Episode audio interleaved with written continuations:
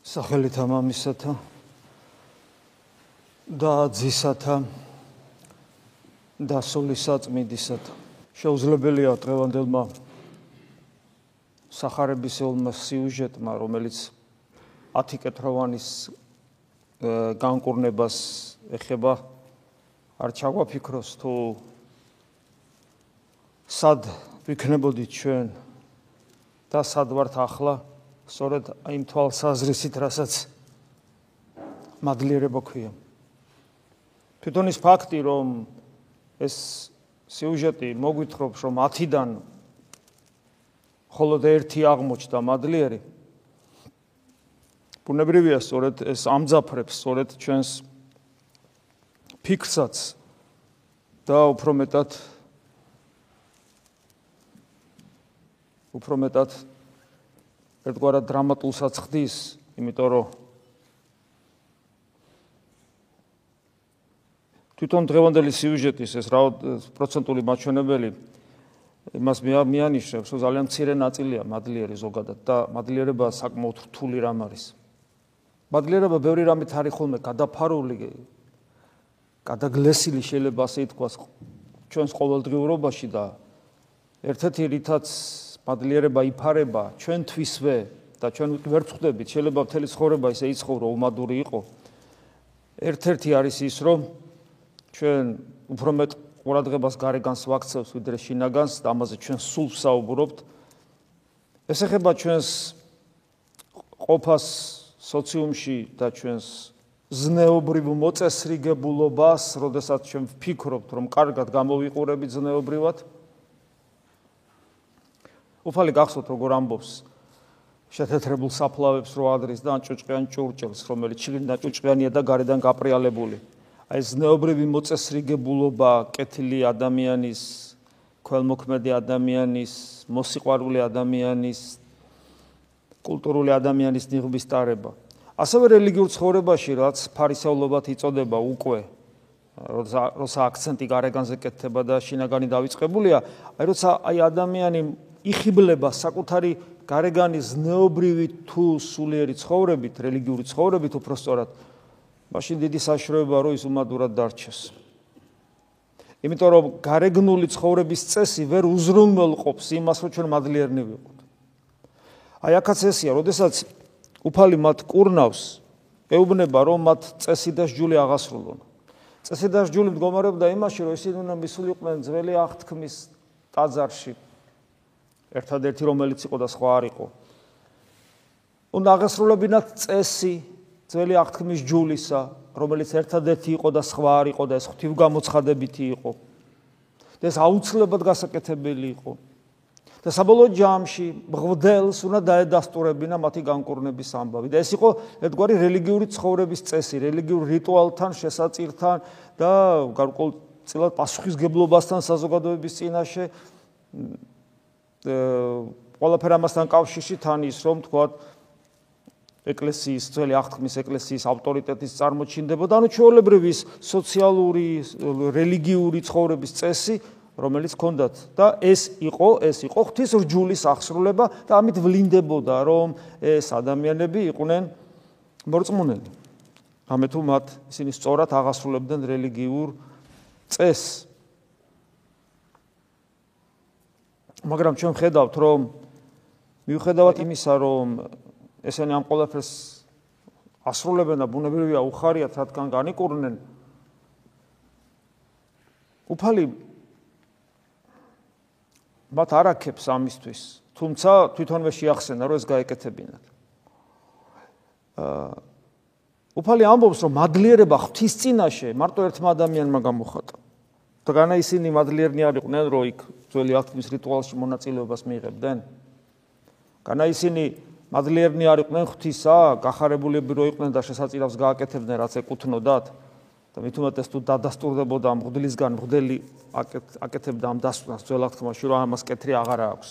ხო გარკვეული წესი იყო შეფასების მოდი ასე ვთქვა. მაგრამ არა უფალი ამბობს რომ ღვთის მადლიერი მარტო ეს ერთი ადამიანი აღმოჩნდა რატომ? იმიტომ რომ ეს ადამიანი მიხვდა რომ მიხვდა რომ იესო ქრისტე ღმერთია. რა თქმა უნდა ცნობიერად ის ვერაფერს ვერ მიხვდა. შეუძლებელი იყო ეს. მაგრამ ქვეცნობიერად ჩვენ ამაზე ვსაუბრობ ზუსტად ინტუიცია.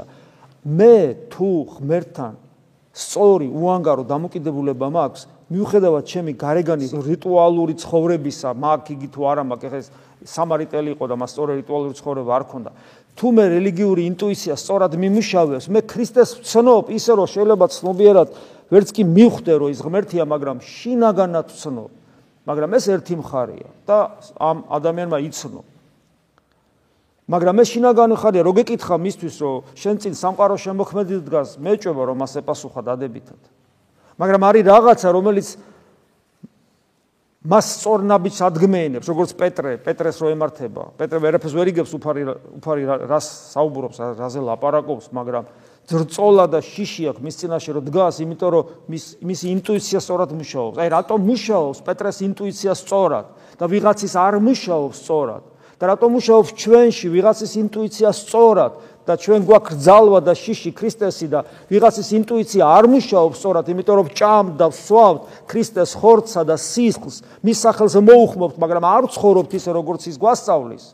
აი რატო არ მუშაობს ჩვენი ინტუიცია სწორად? რატომ გვაქვს ორმაგი სტანდარტი, როცა აქ ცხოვრებივით ვდგავართ და გარეთ მგლებივით ვიქცევით და განსაკუთრებულად ოჯახებში არ ვგავართ არანაირად ქრისტიანს. რამდენი მაგალითი მაქვს? მე ამისი სამწუხარო როცა ადამიანი აქ ცხვარი დგას და სახში მგელია როცა ეს ჩემი ინტუიცია სწორად არ მუშაობს და არ მაქვს შიში იმისა რომ ვის მივიახლებით უნდა ზიარების დროს და როგორ უნდა მივცე ჩემ თავს იმის შესაძლებლობა რომ ის მგელად გლად გადაიქცეს გარეთ რო გადის და ეს ხდება იმიტომ რომ არა მაქვს შიში.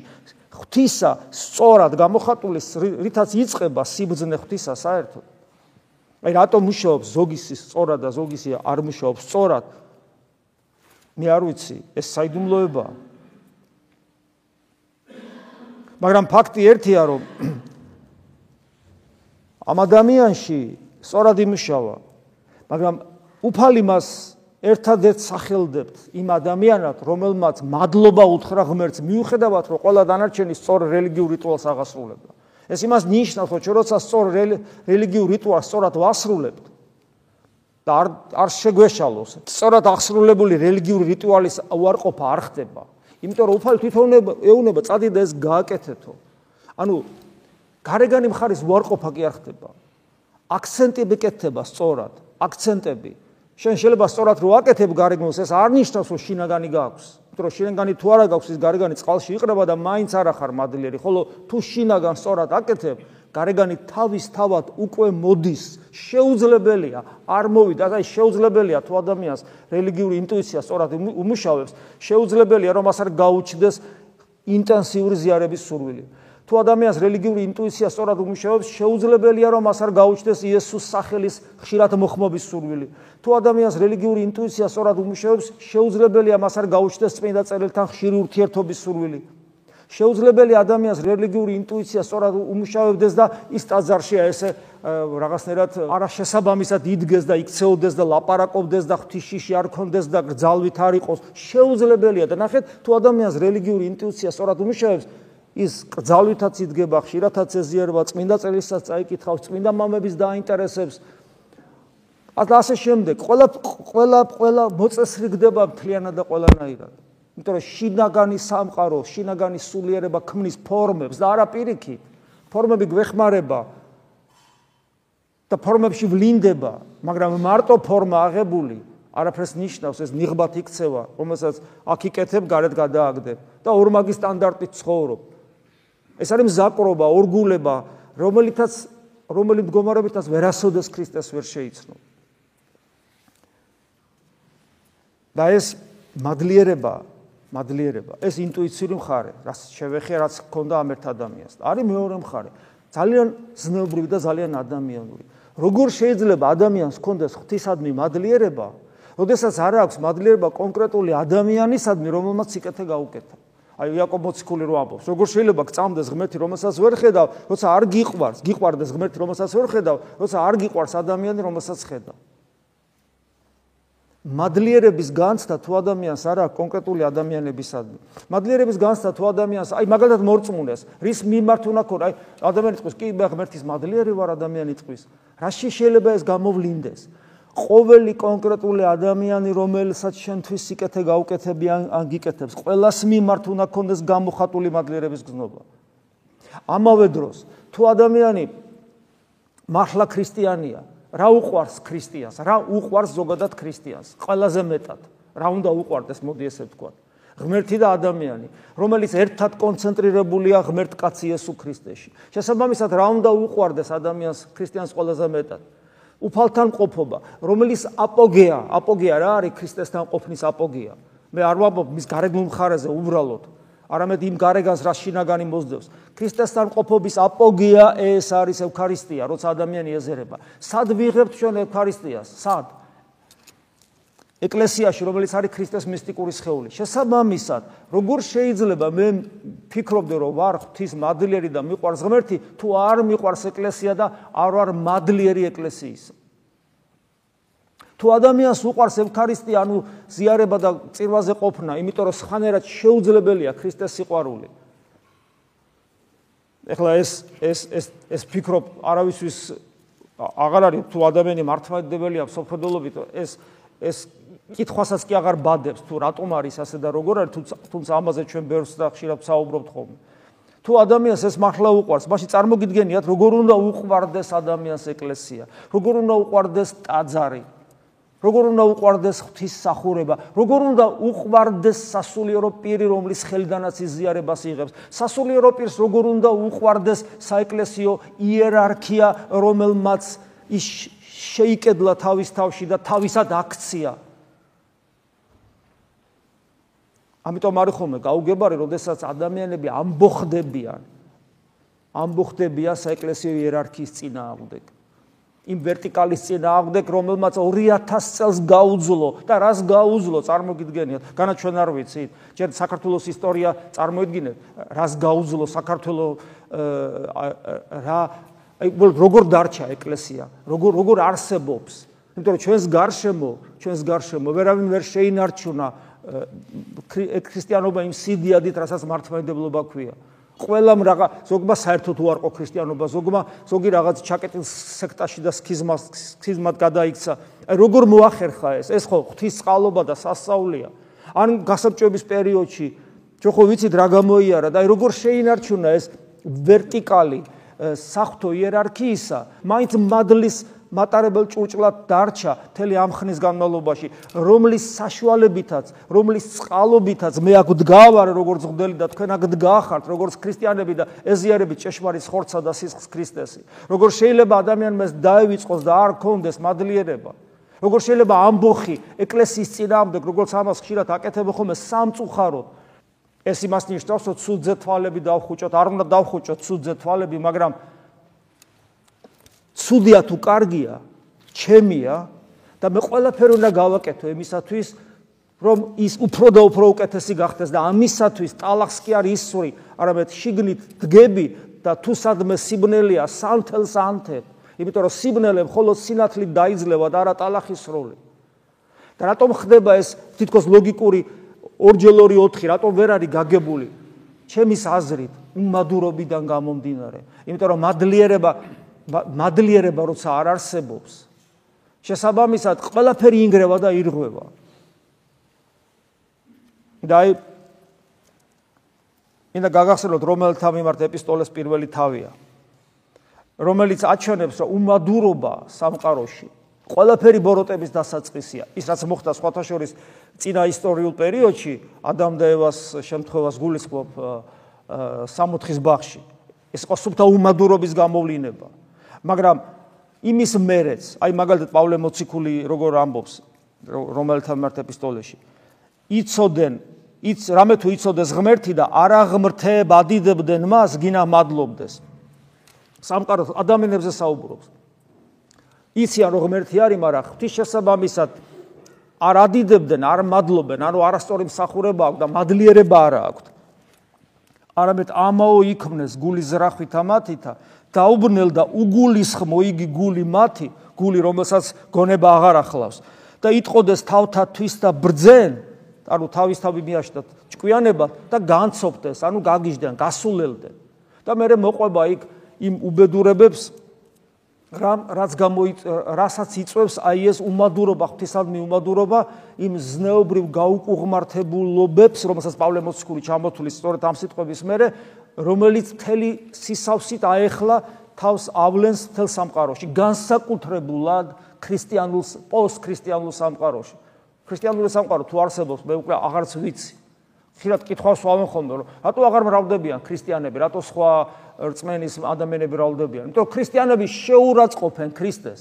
დღეს პოსტქრისტიანულ სამყაროში ქრისტეს ქრისტიანები უფრო შეურაცხყოფენ მაგრამ მუსულმანები უფრო მეტ პატივსცემენ ქრისტეს და ღვთისმშობლებს თუმცა ღმერთად არ აღიარებენ ვიდრე ქრისტიანები საერთოდ შეურაცხყოფენ თავის ცხოვრების წესით და სოფხედელობრივათაც რატო უნდა გამრავლდეს ის ხალხი რომელიც თავის ღმერთს შეურაცხყოფს? რომელსაც მისთვის არაფერი დაუშავებია.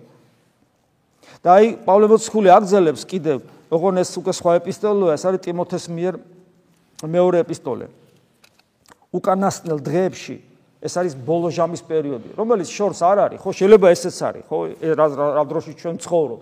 მაგრამ საერთოდ საფრთხესმეტყველო თვალსაზრისით ბოლო ჟამად იწოდება ქრისტეს მერე თელი პერიოდი. მაგრამ რა თქმა უნდა ეს უღმერთობა, უღმერთობა, რომელიც აპოგეას მიაღწევს, აპოგეისკენ მიდის, ეს აპოგეისკენ სულა უღმერთობისა უფრო და უფრო ამძიმებს ქრისტიანულ სამყაროს. და შესაბამისად ცივილიზაციაც ქრისტიანულია ცელ სამყაროში ეს ეს ეს ესე მოხდა და ესია რაც რაც ჩვენ გვიყვარს, რაც ჩვენ მოგწონს, რაც ჩვენ კომფორტულად გვაცხოვრებს და ამიტომ შესაბამისად ჩვენ სხვანაირი ცხოვრების წესი ვერ წარმოგვიდგენია, ვერც კარვებში ვიცხოვრებთ, ვერც ესე იგი უდაბნოში ვიცხოვრებთ, ვერც ქუჩაში ვერც ჯუნგლებში ვიცხოვრებთ. აი ესე როგორც ვართ, მაგრამ მაგრამ ეს ყველაფერი დამძიმდება და დამძიმდება იმიტომ, იმიტომ რომ ადამიანებმა დაიწყეს უარყოფა ყველაზე მთავარის და ეს უკანასკნელ ჟამს როცა ეს კონცენტრირდება უღმერთობა ფოკუსირდება გაძლიერდება როცა ანტიქრისტე გამეფთება მოდი ესე ვთქვა. აი ამ პერიოდს თავისი ძალიან ძიმე გარეგანი მოვლენებიც ახლავს.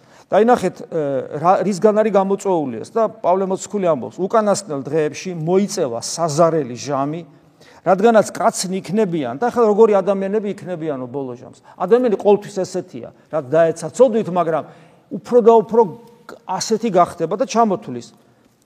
თვით თავმოყარენი ანუ თვით მოყარენი ანუ ეგოისტი ხო? ვერცხლის მოყარენი ანუ მომხვეჭელი.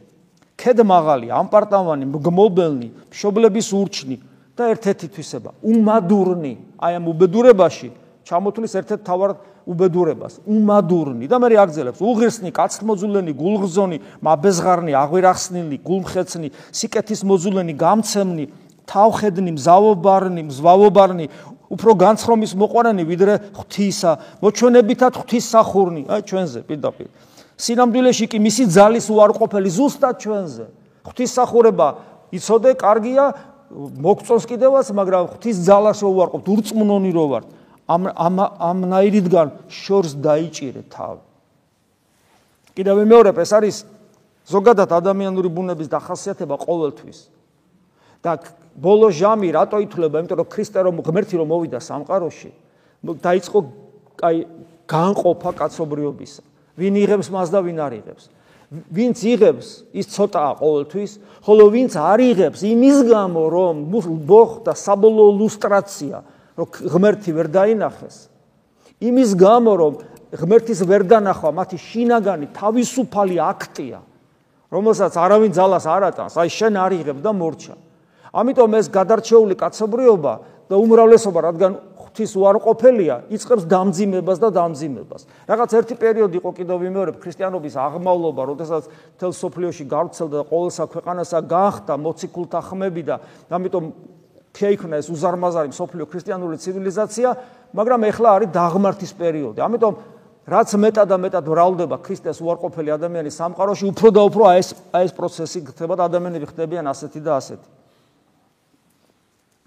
ადამიანი ერთ-ერთი მიზეზი რის გამოც ადამიანი ესე უმადური ხდება არის ძალიან ბევრი სიკეთე აქვს ადამიანს ამ სამყაროში მიუხედავად ამ სამყაროს ტრაგიკულობისა, ამ ცივილიზაციამ მოიტანა ეს ბევრი სიკეთე და მაძღარ ადამიანს მადლიერება ეკარგება როგორც ასეთ. შეერ ადამიანს ერთი პურსო მისცემ ესე იგი, შენი მადიდებელი გახდება და მაზღარს ვერაფრით ვეღარ გაახარებ, იმიტომ რომ ადამიანი ეჩვევა ყველაფერს სიკეთეს, რომელიც მისი არ არის ღვთისაგან მოცემულია და ივიწყებს ყველაფერს და ხდება ნელ-ნელა უმადური.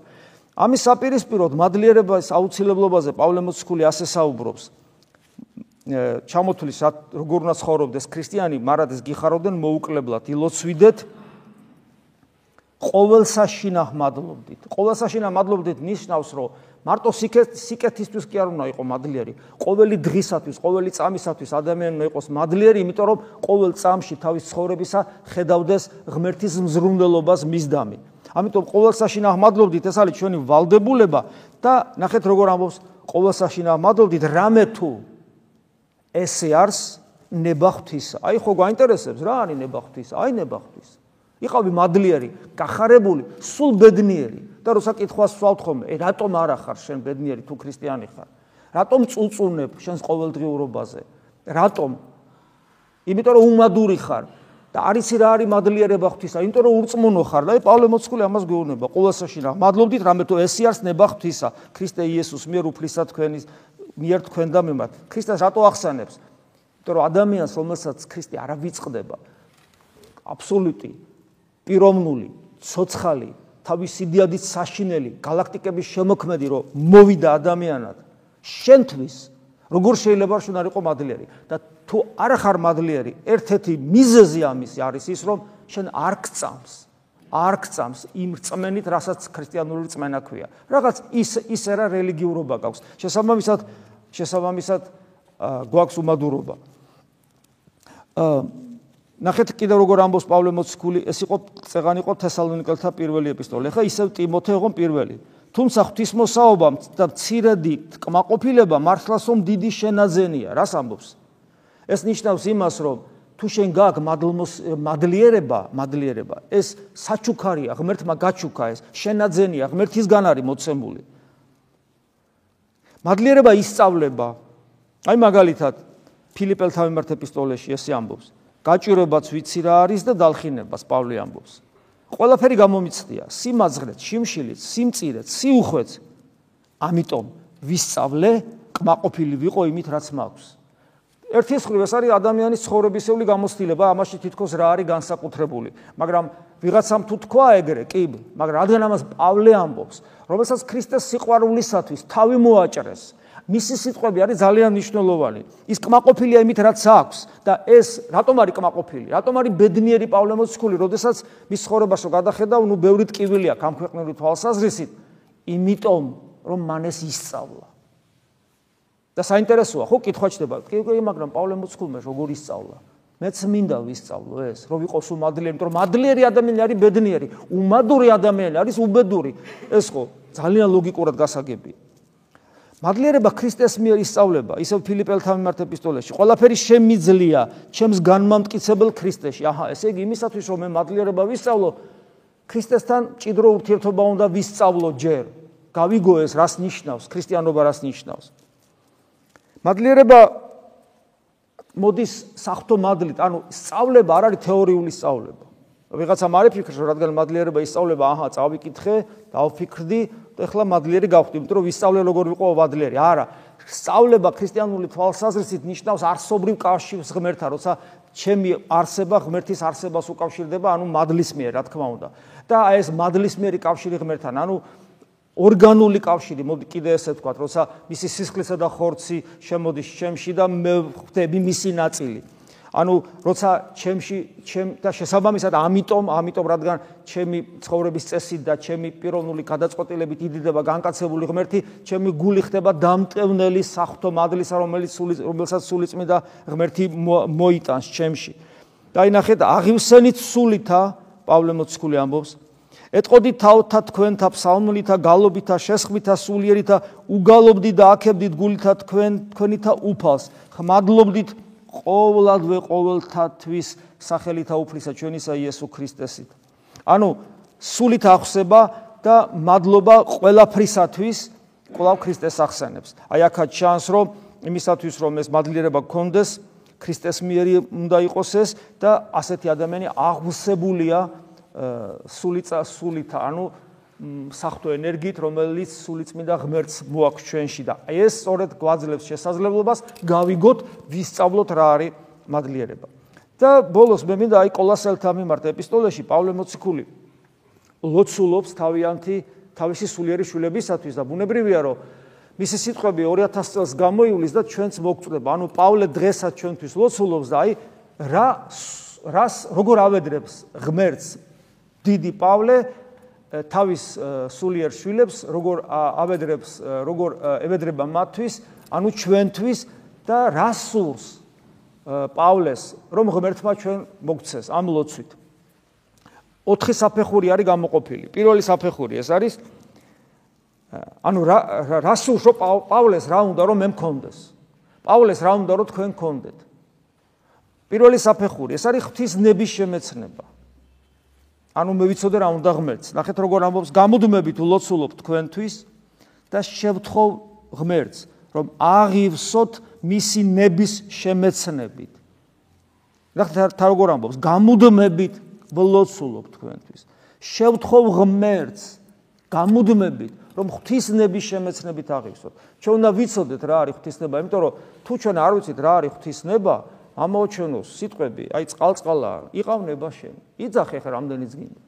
როდესაც არიცი და რო არიცი, ბრმახარ და რო ბრმახარ ვერ თანამშრომლობ, როგორც პავლე ამბობს, უნდა გავხდეთ თანამუშაკნი ღმერთისა, თანამონაწილე ჩვენი გადარჩენისა. ღმერთი არ გვიყურებს როგორც ცხოველს, რომელიც იწთნება, ხშირად მithქვას, ღმერთი გვიყურებს როგორც შვილს. რომელსაც დიდი ღირსება აქვს, რა ღირსება? მას ვგავართ, სამყარო შემოქმნას გავართ. ეს არის ღირსება, რომელსაც გვიცხადებს ქრისტიანობა და ამისათვის საჭიროა რომ უნდა შევიმეცნოთ რა უნდა რა გინდა შენ ღმერთო? უნდა და რა თქმა უნდა კონცენტრირებულად ყველაზე მეტად ეს გამჟღავნებულია წმინდა წელს რომელსაც ჩვენ არ ვიცნობთ. აი დღევანდელი ჩემი საუბარის რომ ეფუძნება წმინდა წელს კიდევ ერთხელ ეს არის იმ გარდაებისა, რომ პავლე რას გვასწავლის და როგორ შევხედო მადლიერებას. და კიდევ ერთხელ მინდა დაგანახოთ რა ღრმა არის წმინდა წერილი, რამდენჯერ შეიძლება ადამიანს კონდეს წაკითხული ყველაფერი ეს, მაგრამ ეს ყველაფერი მაისე გაიაროს და გამოიაროს, რომ წარმოდგენა არ ქონოს, ვა, ეგ აქ ესეთი რაღაცები წერებულა თურმე. დიახ, აქ ესეთი რაღაცები წერებულა თურმე და ეს არის ამოუწურავი.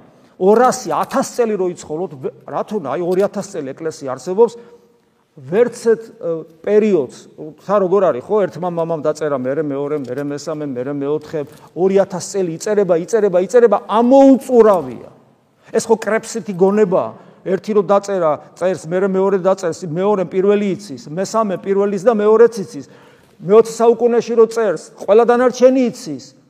ამოუწურავია. აქედანაც ჩანს რომ საოცრებაა საერთოდ წმინდა წერილი ამიტომ ესე იგი პირველი საფეხური, რასაც ითხოვს ჩვენთვის, ეს არის ღვთისნების შემეცნება, ვლოცულობ თქვენთვის, რომ აღივსოთ მისინების შემეცნებით და მე რეკ პატარა ნიუანსებია, რომელსაც ახლა ძალიან ვერ ჩაუღმავდები, მაგრამ აი თვითონ კითხვის პროცესში გამოჩნდება.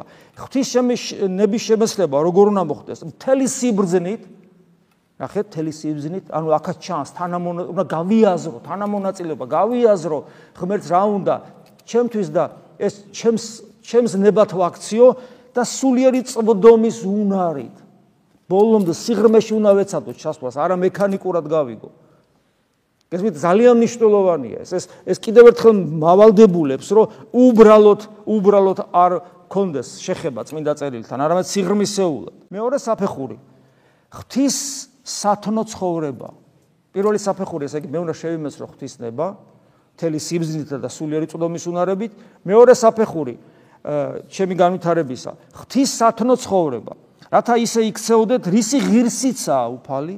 ყოველნაირად ცდილობდეთ ამოთ მათ ანუ მის სათნოთ იცხოვროთ და ناყოფი ანუ მისი მცნებებით ناყოფი გამოქონდეთ ყველა კეთილ საქმეში ანუ კეთილი საქმეები კი არ აკეთეთო ناყოფი გამოქონდეთ ყველა კეთილ საქმეში. იმიტომ რომ კეთილ საქმე შეიძლება არ კონდეს კარგი ناყოფი შესაბამისად ის არაღარ არის კეთილი საქმე. სხვასაკითხია რა არის ناقოფი, ეს კიდე ცალკე თემაა. იზრდებოდეთ ღვთის შემეცნებით. ღვთის შემეცნება კიდევ ვიმეორებ, არ არის თეორიული შემეცნება, ეს არის ღმერთთან კავშირი, კავშირი, იმიტომ რომ სიტყვა შემეცნება ქრისტიანულ თეოლოგიაში არ ნიშნავს უბრალოდ ინტელექტუალურ შემეცნებას. ეს არის ინტელექტუალურიც, რა თქმა უნდა, მაგრამ ეს არის შინაგანი გონების გულისმიერი შემეცნება და თვით ორგანული კავშირი ღმერთთან როდესაც მე მისი სხეულის ნაწილი ხდები. და ეს არის ღვთის სათნო ცხოვრება. და როცა ადამიანი მისი ნაწილი ხდება, ღმერთის ნაწილი ხდება, მას ეძლევა შესაძლებლობა იცხოვროს ისე, რისი ღირსიცაა უფალი, რისი ღირსია უფალი. ხო, წარმოგიდგენიათ, არა მარტო არის, არამედ მოვიდა, არა მარტო მოვიდა, მიცნო, არა მარტო მიცნო, ჩემი ცოდვები ირტვითა და ის რის გამოც მე უნდა დავსჯილიყავი ჩემი ეგოიზმის, ანგარების, უღირსობის, უსიყვარულობის და უამრავი რამის გამო, თავარია სიამაყისა და ამპარტავნების და ღმერთის უარყოფის გამო თავად ისჯება ჩემს გამო და ტვირთულობს ამას. ამიტომ ისი ღირსისა უკვე გასაგები ხდება, ხო? მესამე საფეხური ეს არის ღმერთით ვიყოთ ძლიერნი. აა პავლე მოციქული ესე ამბობს: ყოველ მხრივ ძლიერდებოდეთ მისი დიდების სიმტკიცით, რათა ყოვლის მომთმენი და სულგრძელნი იყოთ.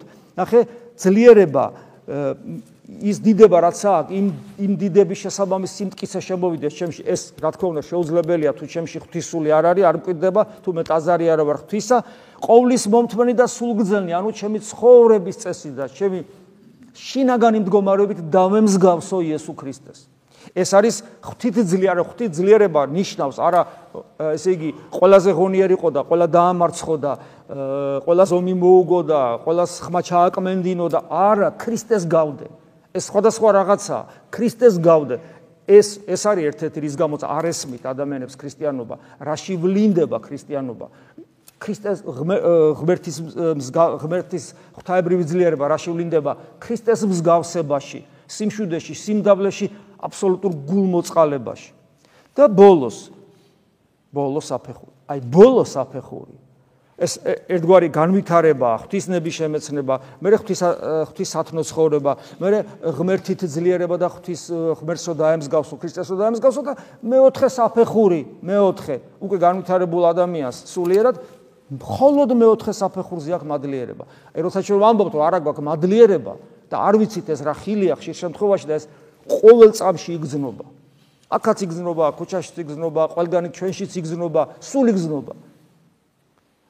იმიტომ რომ აი წინა ეს საფეხურები გავლილი არ აქვს. ანუ ჩვენ რაღაცა სულიერ ცხოვრებაში რაღაცას ვაშავებთ, რაღაცას ვერ ხვდებით და არასწორად ცხოვრობთ, სახელად ხვდებით ხوارთ ხშირად ქრისტიანები. აი მეოთხე საფეხური არის მადლიერება.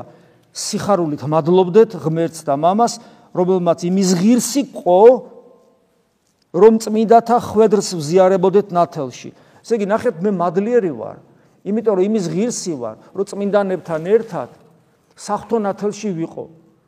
თან ნახეთ, როგორ არის იმის ღირსი ყო, რომ წმინდათა ხვედრს ვზიარებოდეთ ნათელში და ეს იმას კი არ ნიშნავს, რომ გარდაცვალების მერე და უფლის დაბრუნების მერე რომ ვიქნები ასე თუ გადავრჩი, არამედ ახლავე.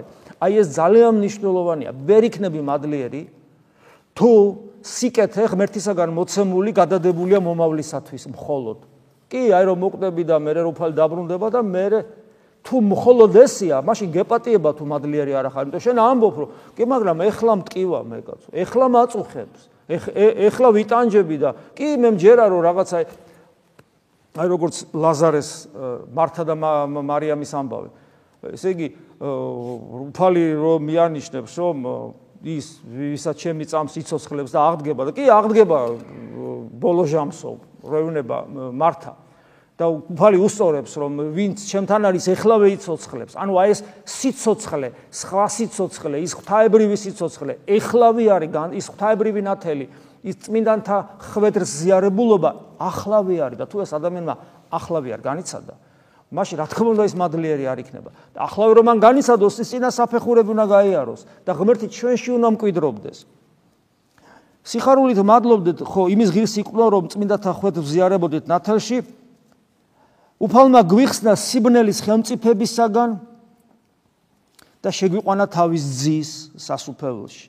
აი ეს ყველაფერი სიბნელის ხელმწიფ აი გვიხსნა სიბნელის ხელმწიფებისაგან. ეს რას ნიშნავს? აი ეს დემონური სული და ენერგია, რომელიც ეგოიზმის, ანგარების, პატიმოყარეობის, სიამაყის, ესე იგი მრისხანების, უსიყვარულობის და აი ამ სიამეთ მოყარეობის პირუტული ცხოვრების წესის, ყველაფერი ამის სისავსესო წარმოადგენს. ამისგან გადავრჩი და მე უნდა მიხარობდეს. ჩვენ როგორ ვართ? რამდენი ხო ვიცით საკუთარ თავსაც ვიცნობთ და რა ჩვენ პირიქით რა ჩამოთვალე, ისინი გვიყვარს. და სულაც არ გსურს იმადგან განთავისუფლება. სისხლამდე წინ არ აღუდგებით მან. და სისხლამდე რო წინ აღუდგები და ბევრჯერ დავმარცხდები და ერთხელაც რო გაგვანთავისუფლებს უფალი, რომ აღარ იგინები, აღარ ჩხუბობ, აღარ მრისხანებ, საოცარი სიმშვიდე გაკ არა გულგრილობიდან გამომდინარე, არამედ სიყვარულიდან გამომდინარე ღვთის, აღარ შფოთავ, არა გულგრილობიდან და აპათიიდან გამომდინარე, არამედ ყველგან ღმერთის იმედი გაკ ესე იგი სიცოცხლის სიხარული გაკ არა იქიდან გამომდინარე, რომ აქ ჭამ და სვავ უბრალოდ არამედ იქიდან გამომდინარე, რომ სხვა სიცოცხლეა შენში ის, რომელიც მარადიულია. ანუ რეალურად, როდესაც შენ შენ აღმოჩნდება, რომ ვერ ვერ უსხლტებოდი ამ ცხოვრებას, ამ ამასופლის სულს და უცებ უცებ ღმერთმა საოცარი სიკეთეები მოგცა, მე ხდები მადლიერი. მაგრამ თუ ის გიყვარს, რასაც ამასופლის სული ქვია, კაიჭამა, კაისმანი, სიამოვნება, მოხოჭოლობა, პატივმოყვარეობა, სიამაყე, ეგოიზმი და ასე შემდეგ სახელებს შეიძლება არ დაარქვა, იმიტომ შენ თვითონ შეგეშინდება და უბრალოდ შენ ეს მოგწონს. მაშინ რას ნიშნავს შენთვის სიბნელის ხელმწიფებისა განთავისუფლება? არანაირად განთავისუფლება არ მინდა შევდირად გზნობ თავს. ესმით, აი ეს უნდა იყოს, რომ მე მიხსნა სიბნელის ხელმწიფებისაგან, მე ამას უნდა ვხედავ და გზნობდე და მადლიერი ვიყო და შეგვიყვანა თავის ძის სასუფეველში.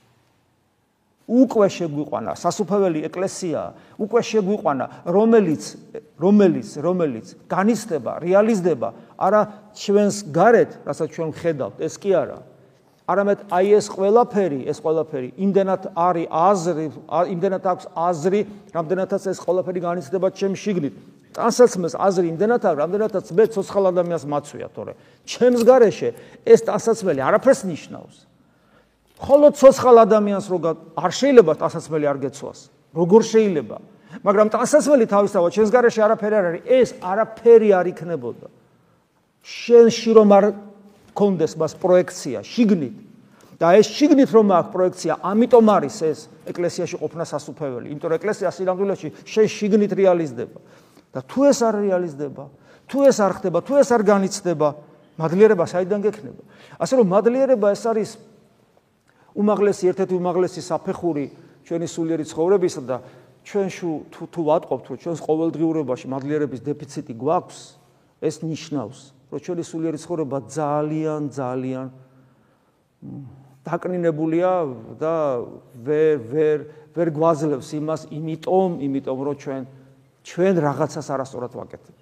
ამიტომ მუდმივად უნდა ჩაუტაროთ რევიზია საკუთარ თავს, ამას ქვია მღვიძარება სიფხიზლე და ყოველთვის ვაკვირდებოდეთ თავს, რას ვაკეთებთ არასწორად, რომ შევცვალოთ.